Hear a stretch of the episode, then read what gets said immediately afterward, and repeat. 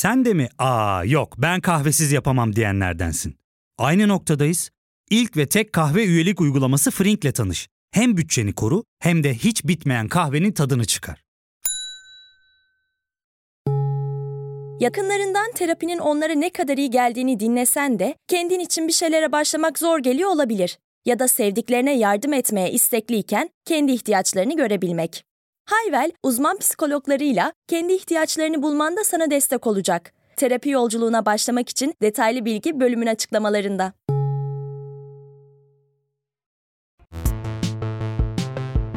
Oyunlar falanlar bir şeyler yani Doom, Mouse, Dark Souls, Anakart, Sims Mims yani anladınız işte genel olarak oyunlar. Yer altından botlar. Geçen bölümlerden birinde grafik kartlarından bahsetmiştim hatırlarsanız. Güzel bölümdü o da ha. Ne gülmüştük, ne eğlenmiştik. Hatta biriniz şey demişti. Usta grafik kartlarından da bahsetsene ne olaylar olmuştur orada şimdi o yıllarda diye. Kim demişti onu ya? Sen miydin Burak? Şaşırma abi dinlediğini biliyorum. Cevap versene niye sessizsin? Şaka şaka duymuyorum seni Burak. Saçmalama tabii ki podcast bu. Öyle heyecanlı arkadaşlarını falan aramaya çalışma yani. Neyse Burak ne diyordum? Falan böyle kesintisiz bir kişiye yapıyormuş tüm bölümü. Şimdi en son ekran kartlarını bıraktığımızda 80'lerdeydik. Hatta sonlarına geliyorduk.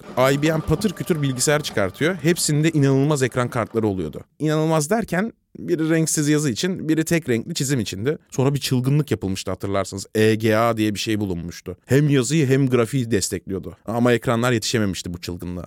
Bu dönemin en büyük özelliği bu arada. Ekran kartları bildiğimiz gibi kart değil henüz. Çip bunlar daha. Anakartın üzerindeki çiplerden biri yani.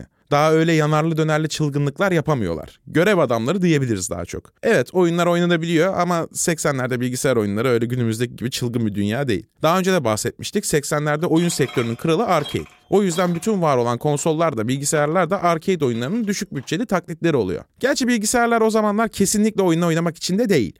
Ama yapabiliyor olması iş yerinde gizli gizli oyun oynayan birçok insanı da mutlu ediyor. O ayrı konu. Bu sırada yıl 87 oluyor tabii ve IBM yeni bilgisayarları PS2 ile gençlerin bile ismini bildiği VGA'yı tanıtıyor. Bu arada PS bölü 2 diye düşün onu slash var yani PS2 ile alakası yok. VGA'ya geri dönelim şimdi. IBM'in son sektör standardı olarak ürettiği teknolojidir bu arada VGA. Bu ekran uyuşmazlığı olayını çözmüştür bir kere. Kendinden önce üretilen bütün teknolojilerin özellikleriyle uyumluydu. Hatta ekranları değiştirmeye de gerek kalmıyordu. Takılan ekranın maksimum yapabildiği neyse ona göre görüntü veriyordu VGA. Gösterebildiği renk sayısı da 262.144'tü. Ne kadar çok renk değil mi sevgili dinleyici? Yavru ağzı bile dahil buna. Hatta fuşya ve vizon bile dahil. Mercan, ekru ve cam göbeğinden bahsetmiyorum bile. Bunlar bildiğim bazı renkler bu arada. Tabii ki VGA bir kart değil, bir teknoloji. Ama VGA teknolojisi diğer üreticiler tarafından benimsendikçe gittikçe hareketlenen bilgisayar dünyasında da bir değişiklikler oldu. Ekran çözünürlükleri yavaş yavaş 4'e 3 büyüklüğüne sabitlendi mesela. Önceden böyle küçük küçük olan ekranlar şimdi yavaş yavaş büyümeye başladı. Hatta bazı üçüncü parti üreticiler garip garip VGA uyumlu kartlar üretmeye başladılar. Bunlar bilgisayarda yükselen oyun dünyasını yakalamaya da yarıyordu. Yani kısaca bilgisayarlar iş için şirketlerde bulunan ve kompleks bir hesap makinesi olmaktan çok yaşam alanlarına dönüşmeye başlıyorlardı.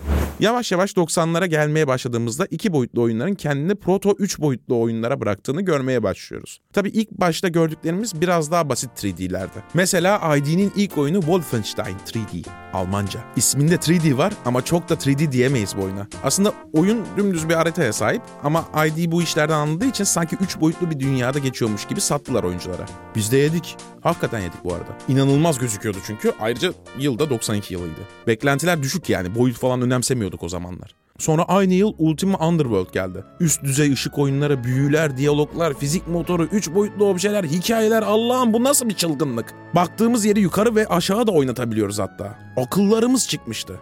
Tabi görüntünün olduğu ekran bugüne göre çok daha küçüktü ama kimse dert etmedi. Çünkü kafamızı oynatabiliyorduk. Bizim için çok daha önemliydi bu. Kafa oynatmak o kadar önemliydi işte. İnanmazsanız Stephen Hawking'e sorun. Okay, punch. İlk başta bu oyunları oynatmaya yarayan ekran kartları RAM'ler gibi anakarta takılan kartlardı. Çünkü oyunlar 2.5D'den halliceydi. Ama 90'larda ilerledikçe günümüzdeki gibi kartlara dönüşünü hep beraber göreceğiz. Bu arada 90'larda bugün bile ismini bildiğimiz oyuncular ortaya çıkmaya başlıyor.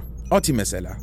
Aslında ilk ekran kartı üreticilerinden biridir kendileri. Sonra sektörü ilerleten Nvidia bu yıllarda ortaya çıktı. Bir de tabii ki 3D FX'i unutmayalım. 90'ların pazar lideridir bunlar. Hangimiz 3D FX'i unutabilir ki? Unuttunuz değil mi? Hatta belki de hiç bilmiyorsunuz bu adamları. Burak, sen hatırlıyor musun? O zaman gelin biraz da bu dostlarımızdan bahsedelim. Şimdi düşünün bu adamlar 97 yılında sektörün lideriydiler. 2000 yılında da batmak üzerelerdi. İnanılmaz hızlı bir şekilde yıldız olup bir anda sektörü domine ettiler. 1-2 yıl içinde de yok olup gittiler. Hala bile buldukları teknolojilerin bazıları bizimle birliktedir. Neyse baştan başlayalım. Şimdi 81 yılında Silicon Graphics diye bir şirket kuruluyor. Kısaca SGI. Bu şirketin olayı çok sağlam grafikler isteyen işleri yapan bilgisayarlar üretmek.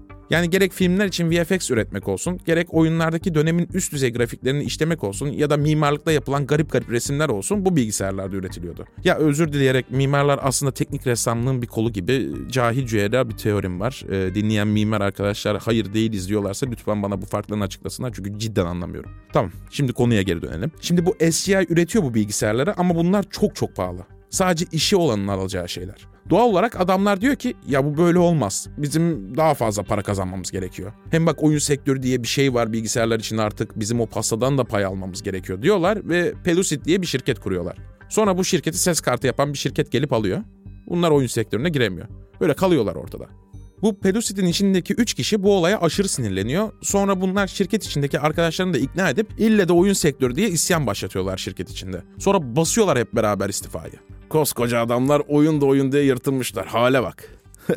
Neyse şaka bir yana bu üçlü diğer çıkan iş arkadaşlarını yanına alıp 3D kuruyorlar. İlk başta tabii arcade'ler için grafik modülleri üretiyorlar. Bunlar da dönemin çok satan oyunlarından Home Run Derby ve San Francisco Rush gibi arcade oyunlarında bu modülü satıp bayağı övgü alıp isim yapıyorlar. Daha önce işlemcilerden bahsederken Quake'in bilgisayar sektörüne etkisinden detaylı bahsetmiştik. O yüzden inanılmaz detaya girmeyeceğim ama özet geçmek gerekirse Quake sektör değiştirdi hem çok satıyor hem de son model işlemciler olmadan oyun oynamanın imkansız olacağını herkese kanıtlıyor. Artık bilgisayarınızda oyun oynamak istiyorsanız paraya kayıp ekipmanlarınızı sık sık güncelleyeceksiniz. Ama ya o kadar paranız yoksa? Ya işlemcinizi en pahalı işlemciyle değiştiremiyorsanız? Onun için de yeni bir olay var işte o dönemlerde. 3D hızlandırıcı. Yani aşırı basit bir ekran kartı. Bunlar gelecekte bilgisayarlarıyla oyun oynamak isteyenler için iyi yatırımlar tabii ama Quake dışında bu kadar bilgisayardan beklentisi olan başka bir oyunda yok o zamanlarda. Ayrıca bunlar 500-600 dolar gibi bayağı pahalı şeyler. O paraya bilgisayar alıyorsun o dönemlerde.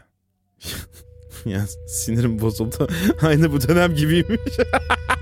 ah, neyse çok bölmeyeyim hikayemi. Sonuç olarak 3D bu fiyat performans açığını görüyor sektörde. Voodoo Graphics ile ekran kartı sektörüne giriyor. Burada bir pauselayalım. Ondan sonra tekrar devam ederiz kaldığımız yerden. Ya fark ettin mi? Biz en çok kahveye para harcıyoruz. Yok abi, bundan sonra günde bir. Aa, sen Frink kullanmıyor musun? Nasıl yani? Yani kahvenden kısmına gerek yok.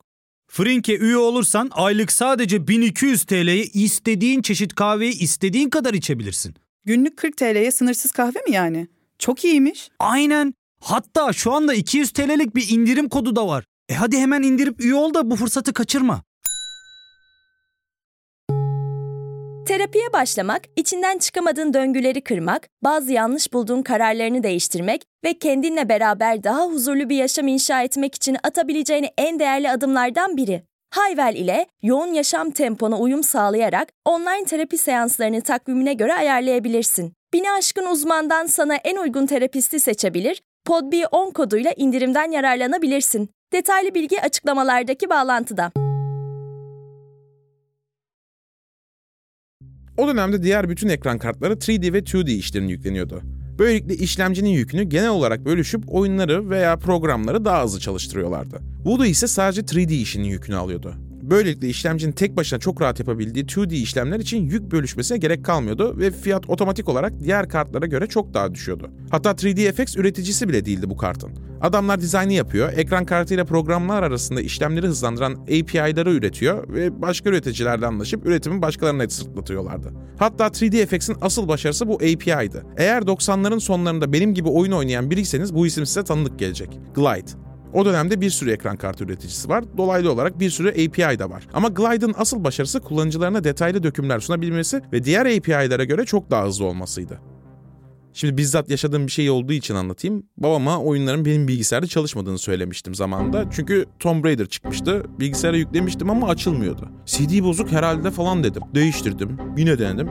Yok abi çalışmıyor. Kafayı yiyeceğim. İlk defa oyun çalışmıyordu bilgisayarımda. Başka yerden aldık CD'yi yine olmadı. Babam ilk inanmıyordu bana ama nedense o da bu olayı ciddiye aldı işin içine girince. Oturuyoruz bilgisayarın başına her şeyi deniyoruz ama yok. Tomb Raider çalışmıyor. Babam da iş yerindeki IT'lerden birine söylemiş sonra. Biz böyle böyle yapıyoruz olmuyor diye. O abi de demiş ki ekran kartın var mı? Babam o ne yahu demiş. Abi anlatmış. Artık böyle ekipmanlar var. Onları kullanmadan yeni çıkan oyunlar açılmıyor. Çünkü artık oyunlar 3 boyutlu diye. Babam da tabii ki anlamamış bütün bu olayları. Demiş ki ya eyvallah da ben ne yapayım şimdi? Bilgisayar mı alayım? Yok demiş abi kart alacağım Voodoo diye. O çalıştırır. Babam da o gün işten çıkınca gitmiş bilgisayarcılara demiş Voodoo'nuz var mı? Var diyen ilk yerden almış.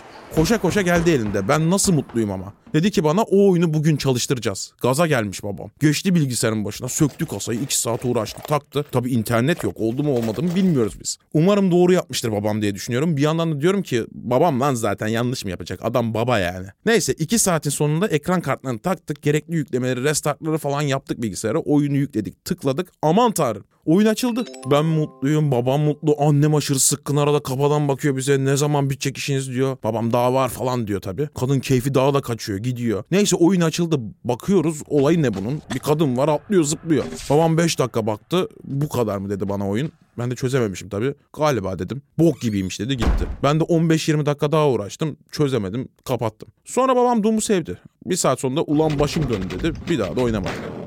Bugün bakınca bir Ati bir de Nvidia var. Bütün oyunlar bu ikinin API'larına uyumlu geldiği için anlayamıyoruz. Ama o dönem öyle değildi işte. Her API aynı şekilde performans vermiyordu. Bütün oyunlarda 96-99 arası çıkan ana olarak Glide ile çalışıyordu.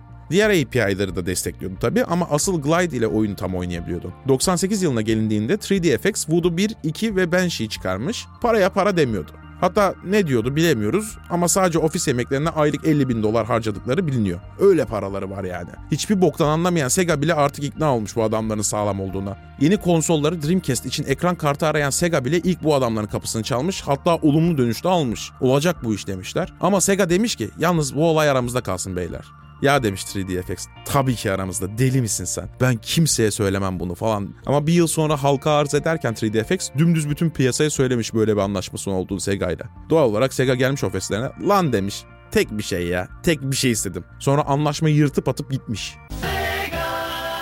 Ayrıca bu sıralarda şirketin CEO'su da değişmiş. Yeni CEO da bakmış 3DFX'in kartlarını sadece 3. parti üreticiler yapıyor. Bütün şirketi toplayıp demiş ki bunun demiş aynısını ben evde yapıyorum. Hem daha lezzetli oluyor hem de dışarıda içine ne koyuyorlar bilmiyorsun. Şirket demiş ki evet çok iyi fikir. Böylelikle Voodoo kartları artık 3. parti üreticilere verilmeyip 3DFX tarafından üretilmeye başlamış. Doğal olarak harcamalar artıyor şirkette. Bir de bir anda 2D ve 3D özelliklerini tek kartta toplayayım demişler ki hatırlarsanız 3DFX'in alameti farikası zaten ayrı olarak 3D işlerini sırtlamak ve fiyat performans ürünü olmaktı. Böylelikle kartların da fiyatları artmaya başlamış. E doğal olarak 3. parti üreticiler için bayağı saçma bir anlaşma olmaya başlıyor bu. Onlar da daha iyi anlaşma aldıkları Nvidia'ya kaçmaya başlamışlar. Bu noktada oluk oluk para kaybediyor 3DFX bu arada. Ama asıl dayağı iki farklı projede yiyorlar. Birincisi gelecek nesil ekran kartı projeleri Rampage. Yaptıkları projelere göre 2 yıl falan sürecek bu ürünün yapımı. Ama 3DFX kendinden emin. Aynı Intel'in Pentium'larında yaptığı gibi Rampage projesinin onları sektörün yıllarca önüne geçireceğini düşünüyorlar. Başlıyorlar çalışmaya. Milyonlarca para akıtıyorlar bu projeye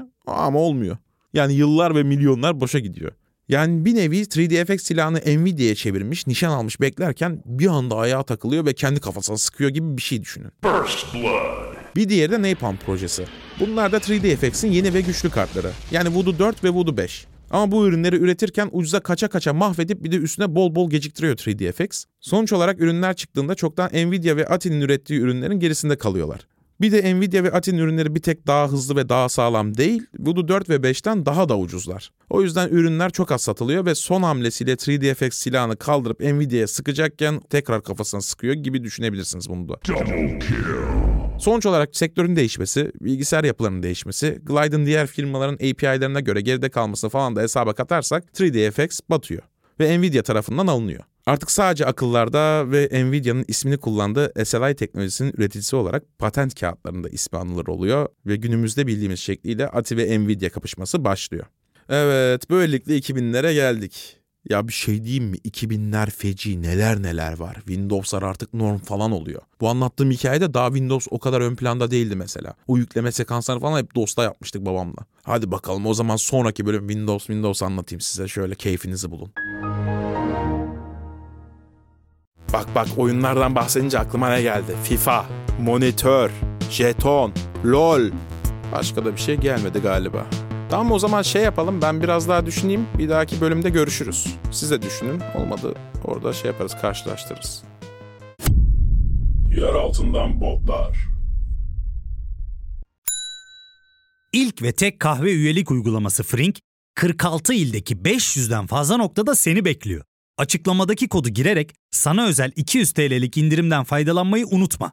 Hadi sen de Frink üyeliğini başlat, kahven hiç bitmesin. Hem bugününe hem yarınına katacaklarıyla terapi yolculuğuna ve daha iyi hissetmeye bugün Hayvel ile başla. Açıklamadaki linkten Hayvel'i indir, ücretsiz tanışma görüşmelerinin ardından bütçene uygun seans paketini seç ve terapi yolculuğuna başla.